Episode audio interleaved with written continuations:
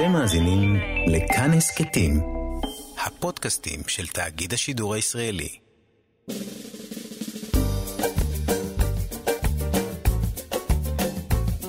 שישים החדש, עם איציק יושע.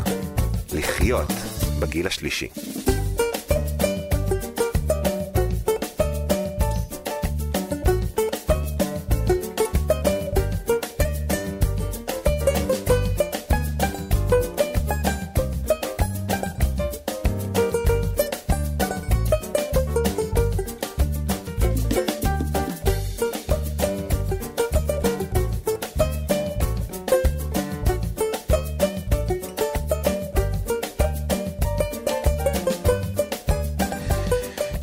מאזינות ומאזיני כאן תרבות, אנחנו במהדורת יום ב' של 60 חדש. הבוקר ננסה להוכיח לכם ששינויים בגיל השלישי, לא רק שהם אפשריים, הם אפילו מאוד מאוד כדאיים. ננסה גם לעשות לכם סדר בביטוחים ובאופן הטיפול בהם. נדבר על קהילות תומכות וגם נערך כאן סבתא כותבת עם שיר חדש על מי שמשתקפת מולנו, מולה, במראה. ממעלה שנותינו.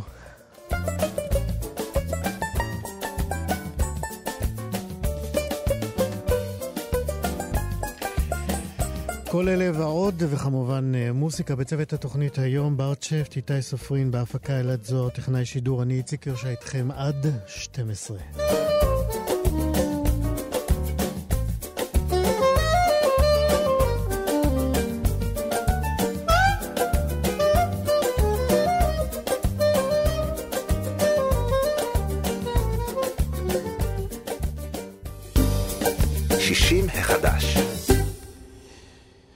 התוכנית קהילה תומכת מופעלת ברחבי הארץ בשיתוף המחלקות לאזרחים ותיקים באגפי הרווחה ברשויות המקומיות. התוכנית הזאת מספקת סל שירותים מגוון שנותן מענה לצרכים מגוונים של אנשים מבוגרים שמעדיפים להמשיך לגור בבתיהם ולא לעזוב אותם לטובת בתי אבות או למשל בתי דיור מוגן. והתוכנית הזאת מופעלת על ידי נטלי שירותי רפואה והשירותים האלה ניתנים 24 שעות ביממה, ועכשיו אנחנו אומרים שלום לשולמית ברשי. בוקר טוב, איציק. בוקר טוב, את רכזת קהילה תומכת לאזרחים ותיקים בחיפה. נכון מאוד, של חברת נטלי שירותי רפואה. אמרנו, כן, לא צריך לחזור פעמיים. התוכנית הזאת באה בעצם לתת פתרון לאנשים שמבקשים לשמור, אמרנו, על העצמאות שלהם, ואפילו גם אם יש להם איזושהי מוגבלות, הם מעדיפים להמשיך לגור בבית. כמה נכון. קהילות כאלה תומכות יש? יש הרבה מאוד קהילות תומכות ברחבי הארץ. נטלי לבדה מפעילה מעל 30 קהילות, ויש אלפי קשישים בכל רחבי ישראל שהם חברים בקהילות. הרעיון, הנחת היסוד של הקהילות, זה שאנשים מבוגרים רוצים להישאר לגור בביתם, בסביבה שמוכרת להם, בשכונה שלהם. ואנחנו בעצם באים להעניק איזשהו סל של שירותים שאמור לעזור ולאפשר להם להישאר בבית. מה כולל, ה... כן, מה, מה כולל בעצם הסל הזה? שהרי אתם שירותי רפואה, mm-hmm. אבל בכל זאת הרחבתם נכון. אותו, ל, את הסל לשירותים שהם לא בהכרח רפואיים. נכון, נכון מאוד. אז בעצם אנחנו אה, מדברים על ארבעה, ארבעה מוקדים, ארבעה שירותים. הראשון הוא כל מה שקשור לביטחון האישי, שירותי בריאות, רווחה וחברה, ואני אסביר, כדי okay. שזה לא יישאר ככה. כמובן. כל הנושא של הביטחון האישי זה בעצם החיבור ללחצן המצוקה. אדם מבוגר שחי לבדו בבית, 24-7, יכול להתקשר למוקד, שיענה שם מישהו שמזהה אותו, יודע מי הוא, יודע איפה הוא גר, יודע אם הוא חולה במחלות מסוימות, יודע מי הם בני המשפחה שלו, והוא יכול לבקש מהמוקדן כל בקשה. הוא יכול לבקש שירותים רפואיים, הוא יכול לבקש שיתקשרו לבני המשפחה, הוא יכול אומרת, לבקש עזרה. זאת אומרת, למנויים האלה יש איזשהו פרופיל, ברגע שהם מתקשרים, מיד עונה למוקדן איזשהו פרופיל מפורט, שבו אפשר למצוא שמות בני משפחה, שמות אפוטרופסים, שמות אנשים שכדאי להיות איתם בקשר. בדיוק, והרבה פעמים אנשים מתקשרים כי יש להם בקשות ענייניות, קונקרטיות, הם זקוקים לאיזשהו סוג של סיוע. תני לי דוגמה הם... לסוג סיוע הם... כזה שהוא לאו דווקא רפואי. למשל, הם יכולים לומר שיש להם תקלת חשמל בבית. אוקיי. או שהם אה, רוצים לקבל איזשהו מידע בנוגע לביטוח לאומי או לזכאות, או כל, כל עניין ועניין. הרעיון של המוקד הוא שבכל רגע נתון תוכל בלחיצת כפתור לדבר עם מישהו שיודע מי אתה ולפנות אה, בבקשות. Okay. אוקיי. אה, דרך המוקד הם יכולים לקבל ייעוץ רפואי, הם יכולים להזמין רופא, להזמין אמבולנס, אה, גם, אגב, גם כשהם בביתם, אבל גם כשהם יוצאים מהבית. זאת אומרת, אם הם הלכו לבקר את הילדים, או הלכו למקום אחר, לא יהיה להם אלחצן, אבל הם יוכלו תמיד לפנות אל המוקד ולקבל את, גם אם הם יצאו לחופשה באילת, הם אה, יוכלו לקבל את כל השירותים במקום אחר. ואז והשירות. ה... וזה כן, תמיד, תמיד, תמיד מתקשרים לאותו מספר. כן, תמיד okay. אוקיי. זה אותו מספר, ואם הם בבית אז הם פשוט לוחצים. אבל הדבר המשמעותי ואחד הדברים היפים בעיניי בתוכנית זה הנושא של אב הקהילה. אב קהילה עובד בעצם בשכונה מסוימת, שכונה שמוגדרת גיאוגרפית, הוא מסתובב בשכונה והוא כמו שכן טוב, ידיד אישי של הקשיש. הוא נכנס ועושה תיקונים קלים בבית, מחליף נורות, מתקן קצר, מתקן משהו באמבטיה. אה, בתקופה של הקורונה אבות הקהילה הביאו תרופות ומוצרי מזון, אבל היותר חשוב זה שנכנס מישהו אחת לאיזושהי תקופה אה, כדי לשתות קפה ולראות מה שלומך ומה נשמע, ואפשר לקרוא לו בכל עת. זאת אומרת, הקהילה... זה גם, הם באים גם כאשר uh, מצלצלים uh, כדי לבקש עזרה, אבל גם יש uh, ביקורים יזומים של אב הבית הזה. בדיוק, בדיוק. כן. ביקורים שהם חברתיים, ממש לדפוק בדלת לגברת כהן, לשאול מה שלומה, אם היא צריכה משהו. Um, אתה יודע, לפעמים אנשים חיים בבית ומתרגלים לדברים שמתקלקלים. פה יש נורה שרופה ופה הברז קצת מטפטף. ספרי לי על זה, את יכולה לשלוח גם אליי? כן, גם אליי. תאמינו לי. כן. אמ, אז זהו, הדבר הנוסף זה הנושא של אה, אה, פעילות חברתית. אנחנו מאמינים שהשתייכות לקהילה חברתית היא מאוד מאוד משמעותית.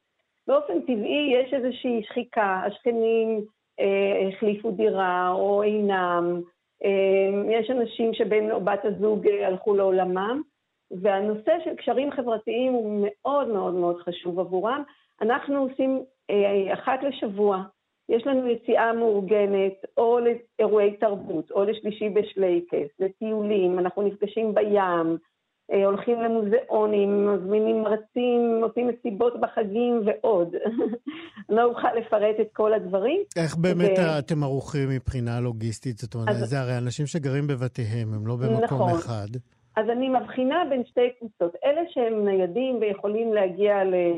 אה, אל המועדון, אל מקום הפעילות, אה, ואלה שמרותקים לביתם. כשמדובר באנשים שיכולים להגיע, הם באים, אנחנו לפעמים מסייעים להם, לפעמים יש הסעה, לפעמים אנחנו מצמידים מתנדב, יש כאלה שמגיעים יחד עם המטפלת אה, שמצטרפת ומתלווה, וכשמדובר באדם שמרותק לבית, אנחנו אה, מקשרים עם מתנדבים, אנחנו מפעילים תוכנית שנקראת פעילות פנאי משמעותית בבית, ובעצם בונים תוכנית אה, חברתית בבית לאדם, עושים אה, ברור מה מעניין אותו, מה, מה אה, תחום העיסוק שלו, מה הוא עשה בעבר, אם היה חלום שהוא רצה לממש כל חייו ולא הגיע אליו, ומוצאים את המתנדב המתאים שבא אליו הביתה. אז בואי תספרי לנו על מקרה אחד כזה ש... או, יש לי כמה וכמה. אז בואי, אחד יפה במיוחד.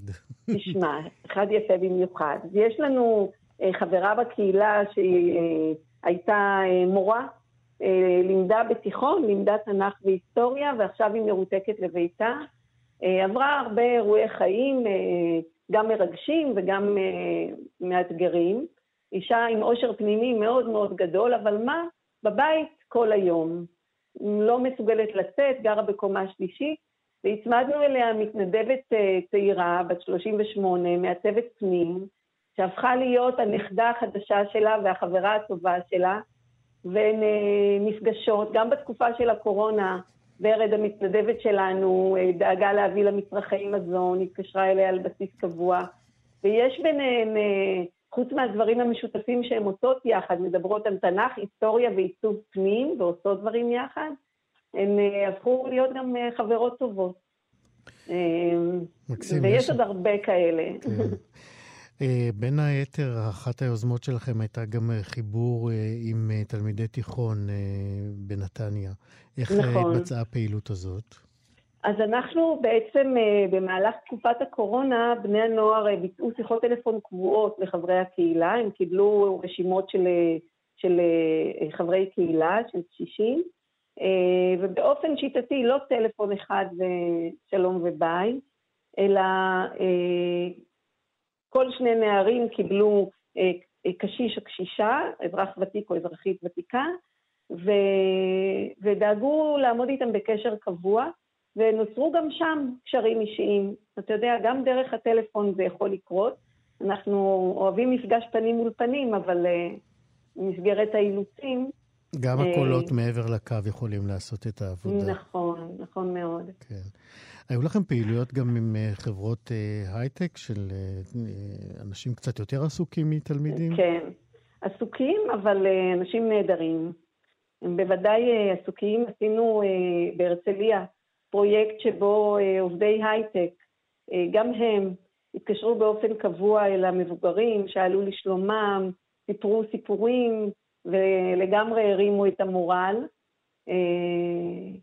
אה, ו, וזה פשוט אה, נחמד שגם אנשים שהם הם עצמם, מעבר לזה שהם עובדי הייטק, יש להם משפחות וילדים, הצליחו למצוא את הזמן אה, לשאול מה שלום שושנה ורבקה ומיכל, וזה היה פשוט נהדר. תגידי, בעקבות uh, הימים האלה של הסגר ושל הבידוד והריחוק החברתי, mm-hmm. אה, יש אה, שינויים אה, בסוגי הפניות אליכם, בסוגי הבקשות? אמ, יש, אמ, אני שמה לב שאנשים מדווחים או מתארים יותר תחושה של לבד. אתה יודע, יש הבדל בין מצב שבו אדם בוחר להישאר היום בבית, לבין המצב שבו זה נכפה עליו. והיו הרבה מאוד פניות שדיברו על ה... אה, על החשש, להיות לבד, אם יקרה משהו ואני לבדי. אה, אני מוכרחה לומר שגם היו לא מעט פניות אל המוקד, הרבה לחיצות על הלחצן, אה, פניות אלינו, אל אבות הקהילה, גם אליי, אל המשרד. אה, זה השינוי המשמעותי שאני יכולה להצביע עליו בחודשים האחרונים. זאת אומרת, ריבוי פניות אה, גדול יחסית, נגיד, אם את יכולה לזכור, לתקופה מקבילה בשנה שעברה? כן, כן, אבל אה, כל השירותים האחרים, אגב, אנחנו המשכנו אותם כרגיל. כלומר, כמובן שהמוקד פעל, אה, אבות הקהילה עמדו בקשר, לא ביקרו אצל כולם בגלל ההנחיות, אבל אבל כן הגיעו כשהיו בקשות לתיקונים, או כשהיה צריך להביא תרופות. אמ, אתה יודע, עמדנו מהחלון. כמובן. כן. טוב, אה, טוב לדעת שיש את התוכנית הזאת, mm-hmm. קהילה תומכת. אה, שולמית בר שי, רכזת קהילה תומכת לאזרחים ותיקים בחיפה. תודה רבה על השיחה הזאת ובהצלחה בשמחה. לכולם. אנחנו נשמח לצרף עוד חברים שירצו ליהנות מהשירות. בשמחה. מוזמנים להתקשר ונסייע להם. תודה רבה לך, יום טוב. המשך יום טוב.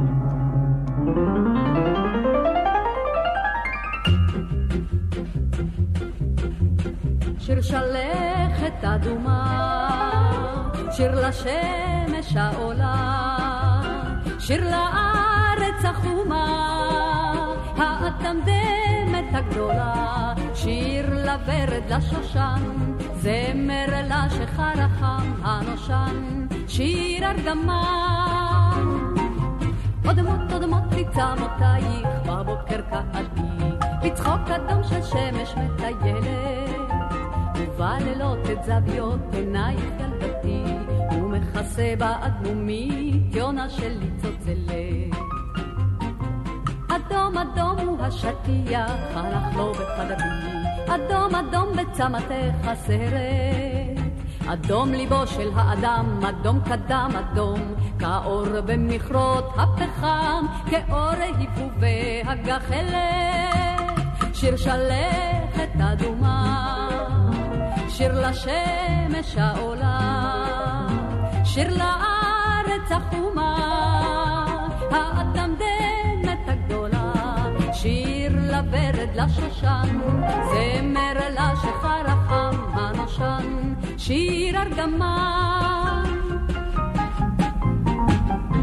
אודמות אודמות מצמותייך בבוקר קעתי, בצחוק אדום של שמש מטיילת, ובלילות את זוויות עינייך ילדתי, ומכסה באטומית יונה שלי צלצלת. אדום אדום הוא השטיח, לו בחדרי, אדום אדום בצמתך הסרט. אדום ליבו של האדם, אדום קדם אדום, כאור במכרות הפחם, כאור היפובי הגחלת. שיר שלכת אדומה, שיר לשמש העולה, שיר לארץ החומה, האטמדמת הגדולה, שיר לוורד לשושן, זמר לשחר החם הנושן, שיר ארגמן. אסנת פז. 60 החדש. אחת המשימות המתמשכות אה, שלנו ב-60 מחדש כאן בתוכנית היא לעקור אה, מהשורש את הדעה הקדומה שאנשים מבוגרים לא אוהבים שינויים, או לא יכולים לעמוד בשינויים. ולכן אנחנו כאן אה, מעת לעת חוזרים ומדברים, וגם היום נעשה את הדבר הזה על שינויים. כי הם מבורכים, ואנחנו נסתכל עליהם מכל מיני זוויות, בכל מיני הקשרים, בתקופות שונות של החיים שלנו. ומי שתעזור לנו היום לעקור את הרע מתוכנו היא יעל חביב, חביבתנו. שלום יעל. אהלן, איציק. היי. נאמר שאת מטפלת זוגית עם התמחות בגיל השלישי. נכון. בעצם מה שהדליק אותנו לדבר שוב על שינויים אה, בגילים מאוחרים, הוא ספר שנזכרת בו ויצא לפני בערך ש- שש שנים, נכון? כן, שש ס- שנים. ספר שנקרא הסודות של אה, אנשים מאושרים, שכתב מת אייברי. נכון. אז uh, מה, מה הדליק אותך? Uh, מה, מה נזכרת בו? אני אגיד לך, אני אגיד לך. אני כל הזמן מנסה באמת לחפש את ההתאמות אה, בין דברים שיוצאים של הכאן ועכשיו לבין הגיל המבוגר. אה, והרבה פעמים נראה שהשפה היא לא תואמת, שהשפה ככה, אולי יש שתי שפות שאנחנו מדברים לדור צעיר או לדור מבוגר. ואני הרבה פעמים מנסה לעשות את, את ההתאמה הזו, את האדפטציה. ואתה יודע, אני קוראת הרבה מאוד ספרים, ואני ככה, הרבה פעמים אה, מדברים על איך להיות מאושר, או מה לעשות כדי להיות מאושר, או איך אני מגיעה אל האושר שלי. ומצד שני, אני פוגשת אנשים מבוגרים שאומרים, אוי, נו, יעל, כאילו, עכשיו, כאילו, בגיל 75, עכשיו אני אמצא את האושר שלי, עכשיו אני אתעסק עם זה. אה, אז קודם כל, גם אתה, מהדברים שאתה אומר, וגם אני אומרים, כן, בוודאות, בכל גיל, בכל גיל. ובשביל אולי להגיע לאיזושהי נקודת אושר או סיפוק או עשייה, אנחנו צריכים לעשות איזשהו שינוי קטן. קטן. כן, אני מאמינה בשינויים קטנים. אתה יודע, אנחנו מכירים, אם ניקח את זה רגע לעולם הדיאטות, אז אני מפסיקה לאכול. ביום ראשון אני מפסיקה לאכול, ואחרי שבוע אני כבר נורא נורא רעבה, אז אני כבר לא יכולה להיות בדיאטה. אבל אם כל פעם אני אוריד קצת, ואם אני אראה מה עושה לי טוב ומה נכון, לא. יש, יש אבל, דיברתי כאן על, על זה שאנחנו ככה מנסים uh, לפרק איזו דעה קדומה, שכאילו בגילים מתקדמים אנחנו כבר מעוצבים, וההרגלים הם הרגלים, והתכונות הן תכונות. והנפש היא נפש כבר עייפה ושבעת שינויים ומהמורות. ואני חושב שמעט מאוד מאיתנו בעצם לא מייחסים לקילומטראז' הזה של הנפש, דווקא תכונות חיוביות. זאת אומרת, שלמשל הנפש, אני, ההרצאה הארוכה הזאת תיפסק עוד שנייה. אני אומר שהנפש היא, היא בעצם, ככל שהגיל הולך, היא נעשית גמישה יותר, היא לא נעשית נוקשה יותר. כי היא ראתה יותר, והיא יודעת ל- ל- ל- לעשות אדפטציות, ודווקא כן צריך לנצל את הגמישות הזאת. תראה, אז לכאורה היינו מצפים, אגב, גמישות זו מילה מופלאה להתמודדות עם הזדקנות. זאת אומרת, וגם אנחנו מדברים על הזדקנות מיטבית, על מי שבאמת מגלה איזושהי גמישות גם מחשבתית, גם התנהגותית, mm-hmm. גם תפקודית. Uh, עכשיו, לכאורה היינו מצפים, כי כל מה שאתה אומר הוא מאוד מאוד נכון, ויחד עם זה אנחנו מוצאים בפועל שלאנשים מאוד קשה לקבל שינויים. תראה, גם שינוי זו מילה מפחידה. איציק, כאילו, אני חושבת שבכל גיל שאומרים לך אתה צריך להשתנות, או שצריך לשנות, ישר מכניס אותך לסוג של אולי מגננה או איזושהי בדיקה עצמית. אותי לא, אבל אני מבין על מה את מדברת. גם אותי לא. אותי דווקא שינויים מעוררים ומסקרנים. כן. נכון, נכון, נכון, ואני חושבת שלשם צריך לקחת את זה. שלשם צריך לקחת את ה mindset, ששינוי הוא לא מפחיד, הוא יכול להיות מבורך, והוא באמת גם לא צריך להיות גדול. אז בואי, בעיקר... נקחי לך uh, שתי דקות uh, ותגידי איך מסירים את הפחד הזה מפני השינוי. אוקיי, okay, אני חושבת שבאמת דבר ראשון זה לקחת את המילה שינוי ולפרק אותה, לפרוט אותה. מה זה שינוי? למה זה מפחיד אותי? האם באמת שינוי הוא דבר מפחיד? לנסות לחפש את המקומות שכן עשיתי שינוי, ושוב, לא את השינוי הדרמטי או המאוד מאוד גדול של לעבור מעיר לעיר, או לעבור מדירה לדיור מוגן, או לעבור מעבודה לעבודה, אלא באמת לקום שעה יותר מוקדם, להתחיל איזושהי התעמלות, לבחור לקרוא ספר שעוד אף פעם לא קראתי. אפילו הדברים האלה הם שינוי. ללבוש שמלה ולא חולצה, ללבוש טישרט זרוק ולא דווקא מכופתר. הדברים שלכאורה נראים לנו נורא נורא אלמנטריים, אבל בחוויה שלנו הם עושים לנו תחושת התחדשות. ובאמת שינוי הוא למקום של התחדשות, של משהו חדש שאני יכול להכניס לחיים שלי, שנותן לי איזשהו ריגוש, שנותן לי איזושהי חוויה טובה. ואני חושבת שדבר כזה הוא נכון לכל גיל, ומאוד יכול להיות שהציר מצטמצם ככל שאנחנו מזדקנים, כי באמת אולי רף האפשרויות יורד ופוחת, וזה לגיטימי וזה בסדר, ועדיין יש לנו המון המון אפשרויות לעשות שינויים קטנים. ולבחון דברים ולהכניס דברים חדשים לחיים. אתה יודע שדווקא אה, ויקטור פרנקל, באדם מחפש משמעות, mm-hmm. מדבר על זה שדווקא האדם המבוגר אה, כבר יכול באמת להיות נינוח יותר. הוא, הוא כבר הוכיח את עצמו בעולם הזה. האדם הצעיר, יש לו דרך ארוכה להוכיח מי הוא ומה הוא, ומסכן, כמה תלאות הוא עוד יעבור, אבל דווקא האדם המבוגר באמת נוגע במקום של הרוגע. אני עשיתי. אמ, ואני כל הזמן עושה ועושה ומתחדש ומשתנה, ואנחנו כל הזמן משתנים, גם אם אנחנו לא תמיד מצביעים על זה ואומרים, או, oh, אתמול עשיתי שינוי. משהו בחוויה שלנו, בהתחדשות הזו, כל הזמן מפגיש אותנו עם המקום של הכנסתי לי עוד משהו, הכנסתי לי עוד דבר חדש לחיים הטובים שלי, העשרתי את החיים שלי בעוד דבר. אז אני אנסה ככה אה, להערים קושי כדי אה, בכל זאת... יאללה, אה, תאתגר אותי. כדי ש... לא, זה להערים את הקושי כדי לסלק אותו. אז את אומרת, למנוע, להתחיל לעשות כל מיני דברים קטנים שלא עשינו, לקרוא ספר שלא קראתי, לטפח פרח שהפסקתי להשקות. את אומרת שינויים כאלה קטנים, אבל אני אומר שגם השינויים האלה הם סוג של אה, התגייסות פנימית, שבגלל שאין לנו אותה, אנחנו לא עושים את אותם דברים הקטנים. אז איך מגייסים משהו מתוכנו, או אפילו מבחוץ, כדי להביא אותנו אל, אל, אל המוד הזה, אל ה-state of mind הזה של אה, בוא נעשה שינויים קטנים? תראה, אני חושבת, זאת שאלה מצוינת, כי הרבה פעמים אנחנו כבר מדברים על הפתרון עוד לפני שבכלל פתרנו את הבעיה הראשונה בדיוק. של איך בכלל אני מביא את עצמי למקום הזה. נכון. אה, ואני באמת חושבת שקודם כל יש כאן עניין של החלטה. בוא, אנחנו לא ילדים קטנים. כשאני רציתי להגיע לאיזושהי נקודה לפני חמש שנים, ידעתי איך אני מגיע אליה. זאת אומרת שאם אני רוצה להגיע אליה גם היום בזקנתי, עשרים שנה אחרי לצורך העניין, אני יודע איך להגיע אליה. זה רק עניין של בחירה אם להגיע או לא. אם קשה לי לבד, אני יכול להיעזר באנשים, בחברים שלי. היה לי איזשהו מטופל שדיבר על זה שתמיד בבוקר הוא היה יורד לפארק, ולאט לאט הוא הבין שבפארק, בבוקר כשהוא יורד, יש המון המון אנשים שמסתובבים עם הכלבים שלהם, וזה לא נעים לו. ואז הוא אמר, אז אני לא יורד יותר לפארק. וניסינו לעשות איזשהו שינוי. אז אני לא יורד בפארק בבוקר, כי בבוקר פחות נעים לי בגלל הכלבים, אבל אולי אני יכול לרדת בשש בערב לפארק, כשאין שם הרבה כלבים, ואולי אני יכול לקבוע פגישה עם ידיד שלי בשביל שידרבן אותי לצאת לשם, ואם אני יודע שכבר קבעתי, אני בטח לא אאכזב אותו. זאת אומרת, המוח שלנו, ופה אולי באמת אני חוזרת למילה שאתה הכנסת והיא מופלאה, זה העניין של הגמישות.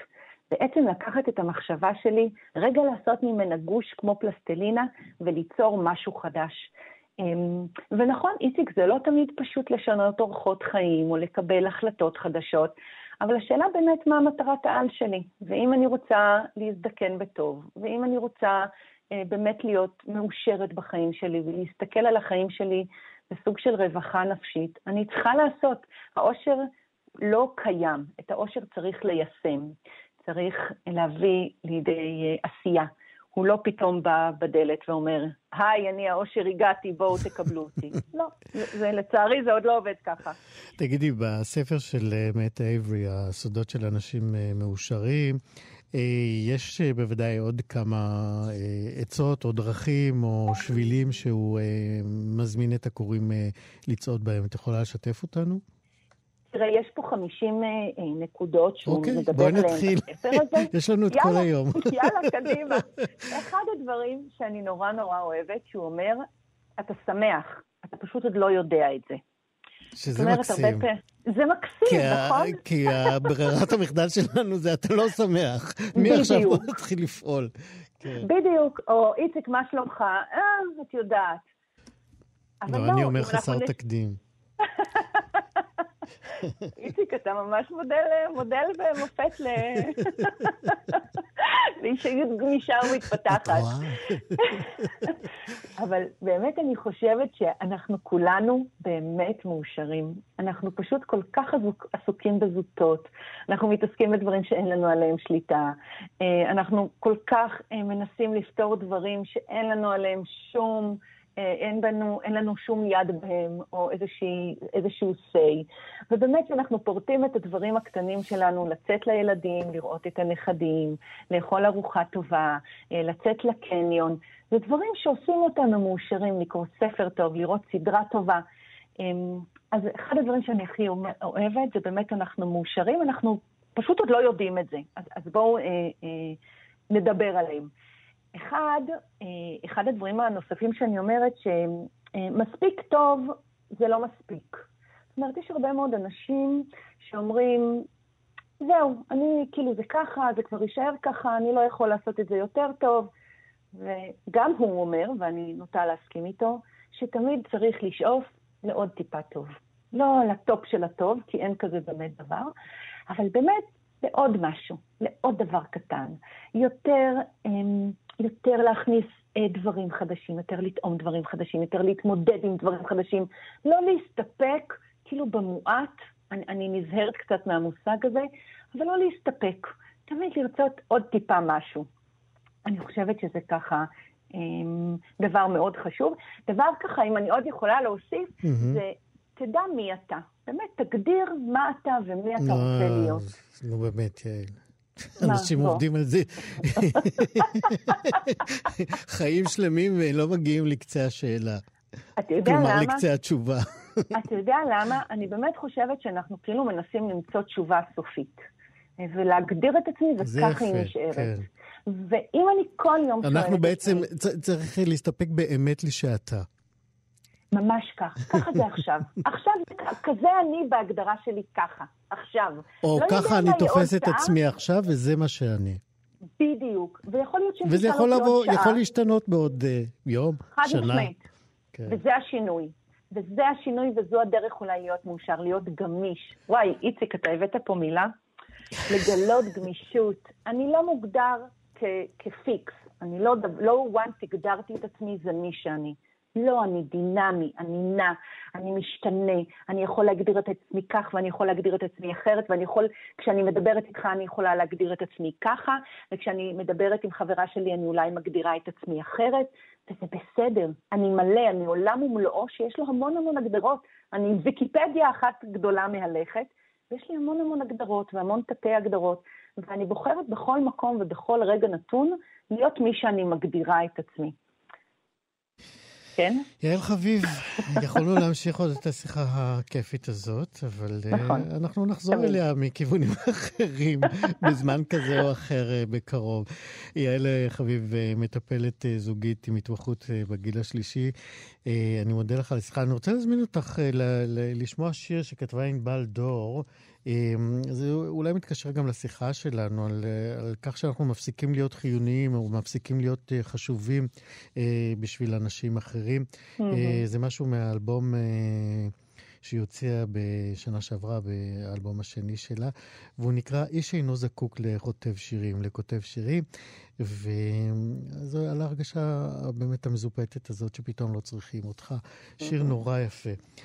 יעל חביב, בואי תשמעי איתי ביחד את אה, ענבל דור, איש אינו זקוק לכותב שירים.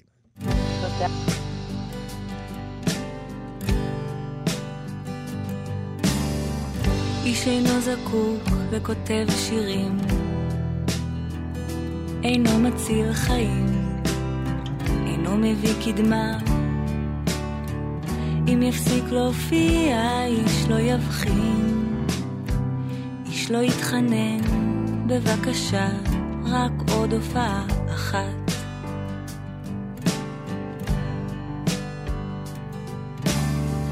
איש אינו זקוק לכותב שירים, לא מנבא גשמים, לא מועיל לכלכלה. אם יפסיק להופיע, איש לא יבחין, איש לא יתחנן, בבקשה, רק עוד הופעה אחת. באיזה שקט זמר מחיי במה, עלוב וגאה, גאה מכדי להתחנן, בבקשה, רק עוד הופעה אחת. בבקשה.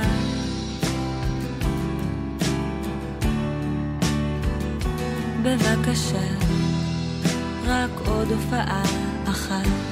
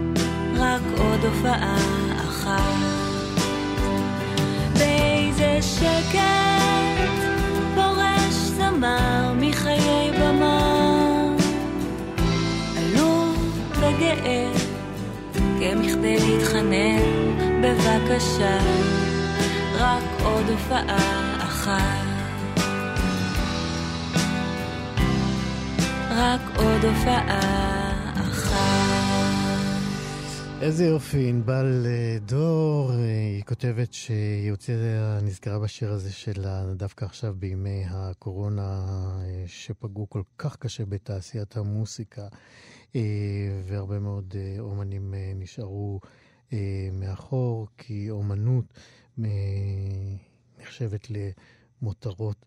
במרכאות, כותבת ענבל דור, מתוך אותה מצוקה שהיא מבטאת של אומנים רבים, ואנחנו כאן כדי לתת להם גם קול. 60 החדש. עכשיו אנחנו עם עצומה. זהו. שותפות ושותפים לגיל השלישי ולכל שאר הגילים, הגענו לישורת האחרונה במאבק על שמירת זכויותינו האזרחיות והאנושיות.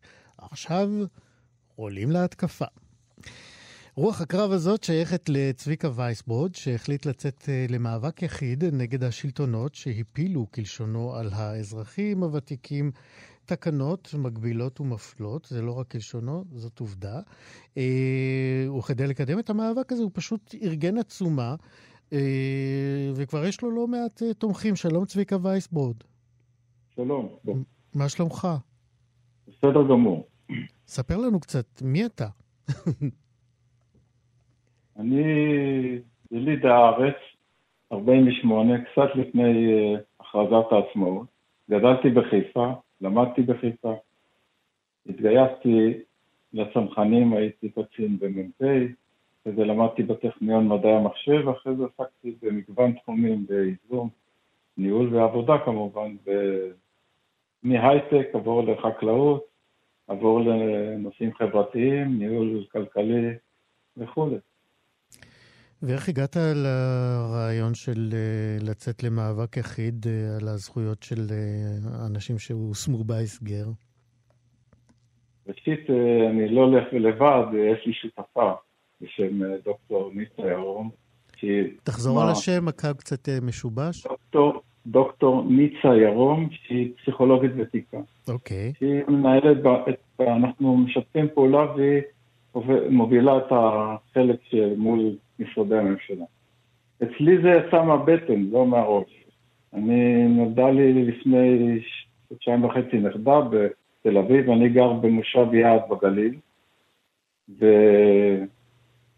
התחילו התקנות, ההנחיות, ההמלצות של אה, סגר, או יותר נכון בידוד האוכלוסייה המבוגרת, ולא ראיתי, בהתחלה שמרתי על כל הכללים, אה, לא ראיתי אותה קרוב לשלושה שבועות. בסוף נשברתי, הבנתי שאחרי שראיתי איך מובילים אותנו בתקשורת ולא בתקשורת, אני מדבר אותנו, זה את כלל הציבור, ועם דגש מיוחד על האוכלוסייה המבוגרת, או הזקנים, איך שרוצים לקרוא לזה. ויום אחד קמתי וכתבתי, אני כותב למגרש אה, שירים וסיפורים, כתבתי איזשהו פוסט קטן, קוראים לזה פוסט, זה היה מכתב שהפצתי אותו בקרב החברים הוותיקים במושב יעד, וקיבלתי תגובות מאוד חזקות חיוביות. מה כתבת? מה כתבת בפוסט הזה? קראתי, לא תחליטו עליי. בזמנו הנכד שלי בן הארבע אמר לי, לא תחליט עליי.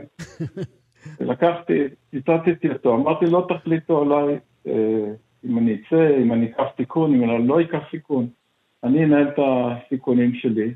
אני אמלא את כל ההנחיות שנוגעות לכלל הציבור, בבני ה-20, ה-40 וה-60, אבל אני לא מוכן שיחליטו אם אני אה, לוקח סיכון, בתנאי שאני לא מסכן אחרים. פחות או יותר מה שכתבתי, אחרי זה כתבתי עוד איזה, פתחתי חשבון פייסבוק וכתבתי, הוספתי עוד כמה פוסטים בעניין, ואז אמרתי, יאללה, בוא ננסה משהו קצת יותר רחב, והלכתי על העצומה הזאת. כמה כבר uh, הצטרפו אליך? כמה חתמו על העצומה? היא עלתה לאוויר לפני ארבעה ימים, היום uh, הגענו ל-400 פלוס. יפה מאוד. ארבעה ימים, ארבעה מאות, זה יפה מאוד, מאה ליום. המטרה העיקרית שלי בפוסט הזה, בעצומה הזאת, זה לנסות להשפיע מקבלי החלטות. וממש ברגעים אלה, או בימים אלה, קיימות, קיימים דיונים בוועדות, אני לא מכיר את כל הפרטים, שאני אמור או לא אמור להיות נציג ציבור בהם יחד עם אה, ניצה, והרעיון שננסה להשפיע עליהם לפני שהם מחליטים, כי אחרי שהם מחליטים, בדרך כלל קשה להם לזוז, למרות שהנסיבות משתנות. אז אני מקווה שיהיו מספיק חכמים לרדת מהעניין הזה של האפליה של הגיל השלישי, או כל נכון. גיל שהוא שיחליטו. אז אני אצטט, אז אני אצטט ממה שאתם uh, כותבים שם, אתם כותבים בעצומה, uh, אם לא תכבדו אותנו, אנחנו לא נכבד אתכם. ולפני שאתם תופסים את הגל השני, תסתכלו בבקשה אל סוכת המציל שעל החוף. מונף עליה דגל שחור שאנחנו מניפים כדי לבלום באיבו כל ניסיון להפלות אותנו על רקע הגיל שלנו. אה, זה, זה סוג של אה, זעקה מאוד מאוד כואבת. איזה תגובות קיבלת מחברים שהצטרפו לעצומה ואחרים?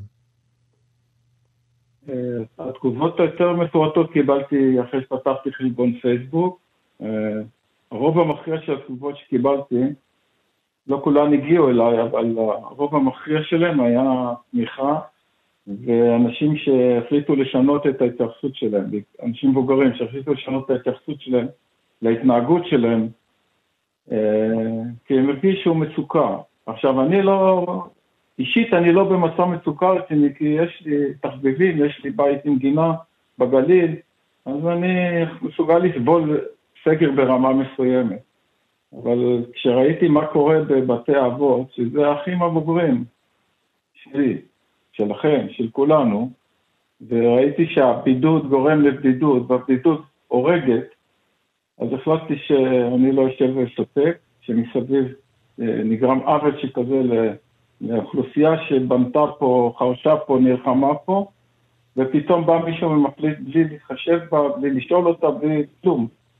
מחליט שהם יסגרו בבתים ולא יצאו, והוא שומר עליהם. זה הנוסח שאני שומע בכל מקום. החל מנהלי בתי כן, אבות וכלה בספרים. סוג של פטרונות כזאת, אנחנו שומרים. פטרונות מוחלטת, ואני לא צריך שישמרו עליו. אני בן אדם, כל זמן שמבחינה משפטית אני אה, כשיר, אז אני יכול להחליט אה, איך לנהל את הסיכונים שלי. כל עוד אני לא, לא מסכן, אף... כן, כל עוד אנחנו לא נכון, מסכנים אף אחד אחר, כן. אבל זה תקף לגבי כולם, ואין סיבה שזה לא יהיה תקף נכון. גם לגבי אנשים uh, מבוגרים. יש עוד פעילויות שאתה uh, מתכנן, צביקה וייסברוד? Uh, אני מקווה להגיע, דרך, בעזרת uh, ניצה, להגיע לוועדות, שנשמיע את העמדה שלנו. כן, שמענו שהיום סוף סוף יתכנס קבינט הקורונה. אה, לא יודע. אז אה, אולי באמת שם... היועצים, הכל נעשה דרך יועצים, כן. הכל, אנחנו עושים את הכל דרך יועצים. כן, צביקה, איפה אפשר למצוא... יש לי עוד דבר קטן. כן, בבקשה. אני מבקש מהילדים שלנו, שהם בני 40, 50, 30, ומהנכדים שלנו, אל תלחצו ואל תסגרו אותנו, אנחנו נדע מה לעשות. כולם תפסו פה פחד אז אתה אומר, זה לא, זה לא רק, אתה פונה לא רק לשלטונות, אתה פונה גם לבני המשפחה ולשכנים ולקרובים. אל תתייחסו אלינו כאל חסרי אונים, אנחנו יודעים מה אנחנו עושים. ואל תשאירו את הוריכם פונים בתוך חדרים בבתי אבות, כן. כי אתם לא אה, יכולים יפה. לבקר אותם. צביקה וייסבורד, כל הכבוד על היוזמה של העצומה הזאת. איפה אפשר למצוא אותה, אגב? בעצומה, באתר של... עצומה, האתר שנקרא עצומה, A-T-Z-U-M-A. צביקה וייסברוט, תודה רבה לך ובהצלחה. תודה. להתראות.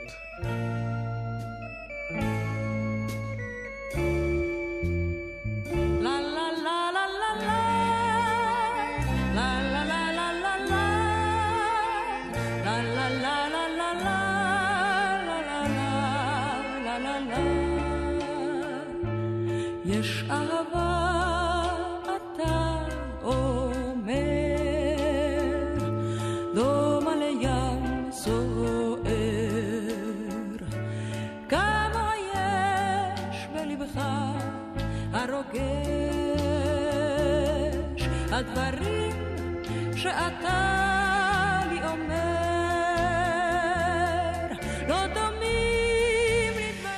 ניפרד מעליזה אזיקרי. בשיטותינו ברשת לא פעם קופצות מול עינינו פרסומות ומודע, ומודעות שמציעות לנו לבדוק אה, את הזכויות שלנו בקשר לכסף שמגיע לנו מהמדינה, בקשר לביטוחים שלא ידענו על קיומם, והמודעות האלה, לפחות אצלי, אה, תמיד אה, גורמות לאיזה אי שקט ואי נוחות.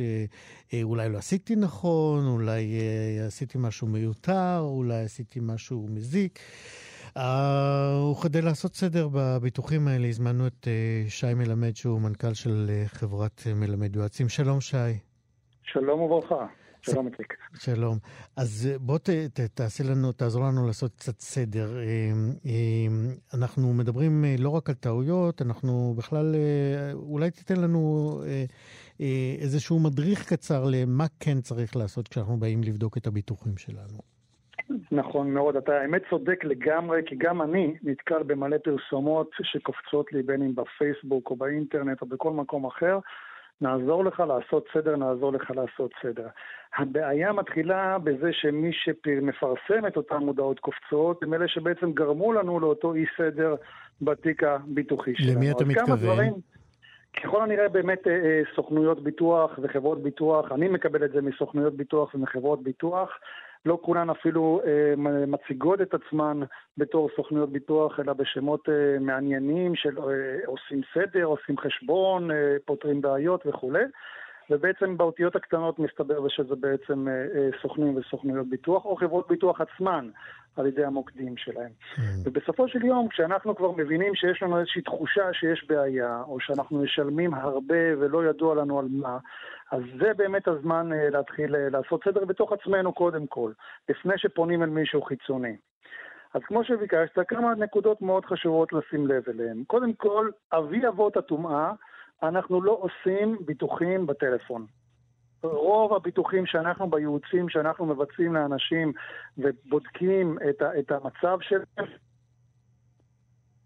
שי? כן. אתה יכול להישאר במקום אחד? הקו איתך קצת משתבש? כן, כן, אני במקום אחד.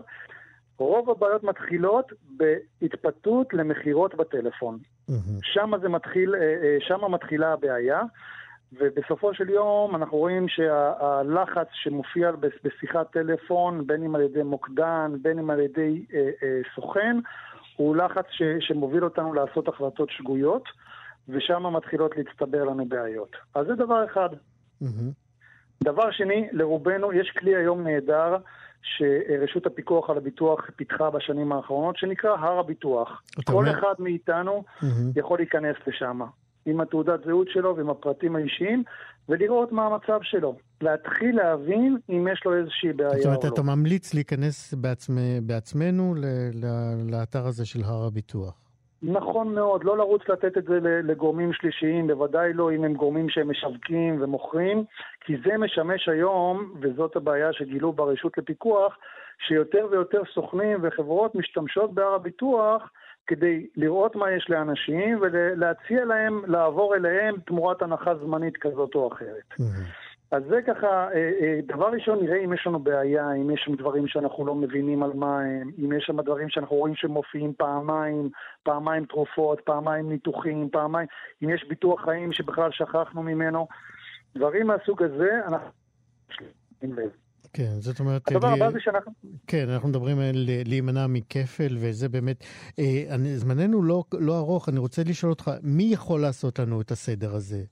סוכן ביטוח? תראה, לפי אה, החוק, מי שעושה או מי שיכול למכור ביטוח זה סוכן ביטוח, אבל מי שיכול לעשות סדר זה כל גורם מקצועי אחר, עדיף כזה שלא מוכר ביטוחים. אוקיי? למשל, תקישו בגוגל יועץ ביטוח, יועץ ביטוח אובייקטיבי, ויעלו לכם כאלה אפשרויות של יועצים שאינם מוכרים ביטוח, וזה הדגש, שאתה לא מוכר לי ביטוח, כי אחרת הייעוץ הוא נטול, אה, אה יש לו אה, ניגוד אינטרסים כן, וזה ייעוץ, הזה. וזה מן הסתם ייעוץ בתשלום, אתה אומר גם לא להתפתות פעמי, לייעוצים חינמיים. בוודאי, כל מה שבחינם, בסופו של יום משלמים על זה, ואנשים שמאזינים לנו, יש להם מספיק שנות ניסיון, מספיק ותק בחיים כבר להבין שהם שום דבר בחינם. ו- ובוודאי בגיל המבוגר שלנו, שכבר צברנו הרבה דברים בחיים, הרבה אה, דברים שאנחנו משלמים עליהם ולא ברור לנו למה, ושאולי כבר אנחנו לא צריכים. אנחנו כבר, הגיל שלנו התקדם, דברים שעשינו בגיל 40-50 ואנחנו היום בגיל 60-70, כנראה אולי אנחנו כבר לא צריכים, ביטוחים שונים למיניהם, וזה בהחלט זמן לעשות סדר בעניינים. יפה. שי מלמד, מנכ"ל חברת אה, מלמד יועצים, תודה רבה שעזרת לנו לעשות סדר בביטוח. גדולה. להתראות. ביי ביי. 60 החדש.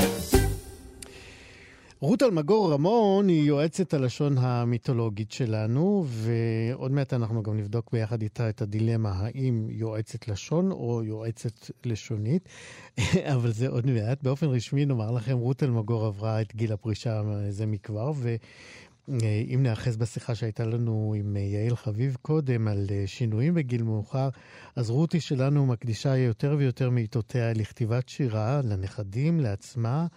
אה, וזו תמיד סיבה טובה לחזור ולדבר. שלום רות אלמגור רמון. שלום איציק. לא, רוב עיתותיי עדיין בת... בעבודה היומיומית והשוחקת, ולפעמים באמצע הלילה נחה עליי רוח השראה ואני כותבת שיר או חלק משיר. מקסים. אה, זה, זה, זה בדיוק מה שדיברנו, לעשות משהו אחד קטן נוסף. ואת עושה נכון, דברים נכון. יפים קטנים נוספים. היום אנחנו בגלל שיר שכתבת, אה, ושספרי לנו עליו בעצם את, כפית צהובה של פלסטיק, קראת לו. נכון. מה את יכולה לספר לנו על השיר? לספר עליו, כן. לקרוא אותו? אתה רוצה את הסיפור שמאחוריו? אה, כן, את יודעת מה? את יודעת מה? את יודעת מה? ביקשתי מענת הראל שתקרא את השיר. לא, רק אני. אז ענת, ענת לא. אה, תקרא את השיר, ואחרי זה את תספרי את הסיפור שמאחורי השיר. בסדר? הנה, ענת הראל. כפית. כפית צהובה. כפית צהובה של פלסטיק. תציץ. תציץ מקופסה. תציץ מקופסה בגון מסטיק. מתוך, מתוך ארונית, מתוך ארונית נושנת, דיברה. דיברה הכפית. דיברה הכפית נרגנת. לפני, לפני כף שנים, לפני כף שנים קניתיני, וכאן, וכאן במחסן, וכאן במחסן שמתיני. עכשיו, את שוב למחסן, את שוב למחסן יורדת. הנה, הנה את מולי, הנה את מולי עומדת. אני, אני בדמותי, אני בדמותי מנוער, ואת, ואת בלי הדר, ואת בלי הדר ותואר. גופי, גופי המקלי, גופי המקלי מתוח. גופך, גופך הנשי, גופך הנשי שכוח. פניי, פניי חלקים, פניי חלקים לנצח. ואת, כמותה מצוואר, כמותה מצוואר עד מצח. תדע, תדע הכפית, תדע הכפית קוניה, מותר, מותר האדם, מותר האדם, מי יודע? דיברה, דיברה הכפית, דיברה כפיתית מושלמת, ואני, ואני בעברית, ואני בעברית נעלמת. איזה יופי, תודה רבה לענת הראל. תודה רבה לענת, קריאה נפלאה, כרגיל, קול נפלא, קריינית נהדרת. תודה. אז ספרי, רות, אנחנו עם רות אלמגור שכתבה את השיר הנהדר הזה. אה, ספרי לנו באמת על הנסיבות, אה, נסיבות הכתיבה שלו. אה, יש לי בן בן 35. הוא חגג את בר המצווה לפני 22 שנים. ולעלייה לתורה קניתי כלים של פלסטיק. הוא ביקש ירוקים וצהובים, קניתי ירוקים וצהובים, כפיות, מזלגות, סכינים. השתמשנו במקצתם, ואחרים, שמתי אותם בארונית שבמחסן. ואת הארונית הזאת אני פותחת רק לעיתים רחוקות. לפני שבועות אחדים ירדתי למחסן, פתחתי את הארונית, וכפית צהובה אחת הביטה אליי. והסתכלתי עליה ואמרתי לעצמי, עברו 22 שנים, אני בוודאי לא נראית כפי שנראיתי אז. ואילו הכפית שלא השתמשו בה, לא קרה לה כלום. היא נראית בדיוק כביום צאתה מבית החרושת. והדבר הזה הדליק בי את הרעיון הזה של שיח עם הכפית. לא שיח בעצם, היא רק היא מדברת. ואני נעלמת. כפיתית מושלמת היא מדברת. דיברה כפיתית, נכון, וזה הסיפור. עכשיו רק אה, כ"ב שנים לא הסתדר עם משקל השיר, אז הפכתי את זה לכף שנים. אבל זה לא נורא. נהדר. וזה הסיפור. יפה מאוד. רותי, אבל uh, הבטחתי בפתיח שלי לעשות איתך דיון בשאלה, האם יועצת לשונית או יועצת לשון? נשאל את הכפית אולי. טוב, אז ככה, עדיף יועצת לשון, כי בעברית כשאתה אומר יועצת לשונית, זו תכונה כלשהי של היועצת. היועצת היא לשונית. זה כמו. עורך מוזיקלי ועורך זה מוזיקה. בדיוק כמו עורך מוזיקלי. לכן אנחנו מעדיפים בתאגיד לומר, אה, לומר יועץ מוזיקה, וליועץ לקרוא יועץ לשון. יש לנו קצת התלבטות עם עריכה לשונית, או ייעוץ. או. ייעוץ, כן, הייעוץ, ייעוץ לשון, אבל כשמדברים על עריכה, לא כל כך מפריע לי עריכה לשונית. מפריע לעורכים אחרים, לי לא. כי אני טוענת שהעריכה היא לשונית באופייה. ולכן זה לא נורא. אבל היועץ, בוודאי הוא איננו לשוני, כמו שמהנדס הוא לא חשמלי, רק הקומקום חשמלי. אז uh, אני יועצת לשון. אז את יועצת הלשון, ואנחנו נמתין אה, לא, לאותן שעות בלילה שלך, שבהן אה, שורה עלייך אה, מוזת הכתיבה. ואז אני גם שומעת את תוכניתך. ואז את גם שומעת את השידורים החוזרים, נכון? ואולי תרדי שוב למחסן ותיפגשי במזלג. עם כפית ירוקה. הפעם במזלג. רות אלמגור, תודה רבה, בהצלחה. תודה רבה, איציק. תודה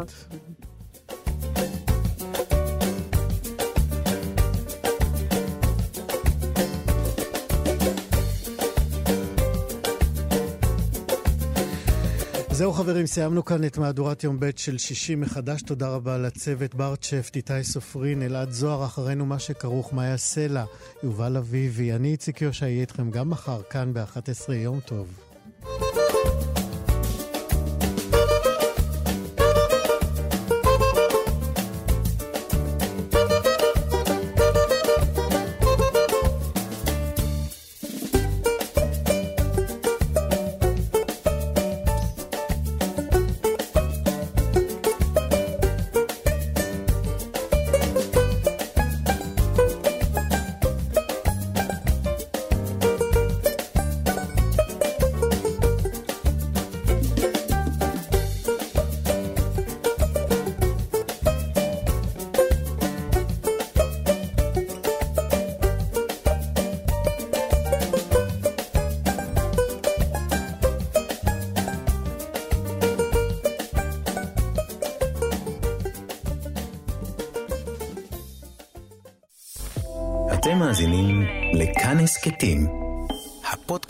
של תאגיד השידור הישראלי.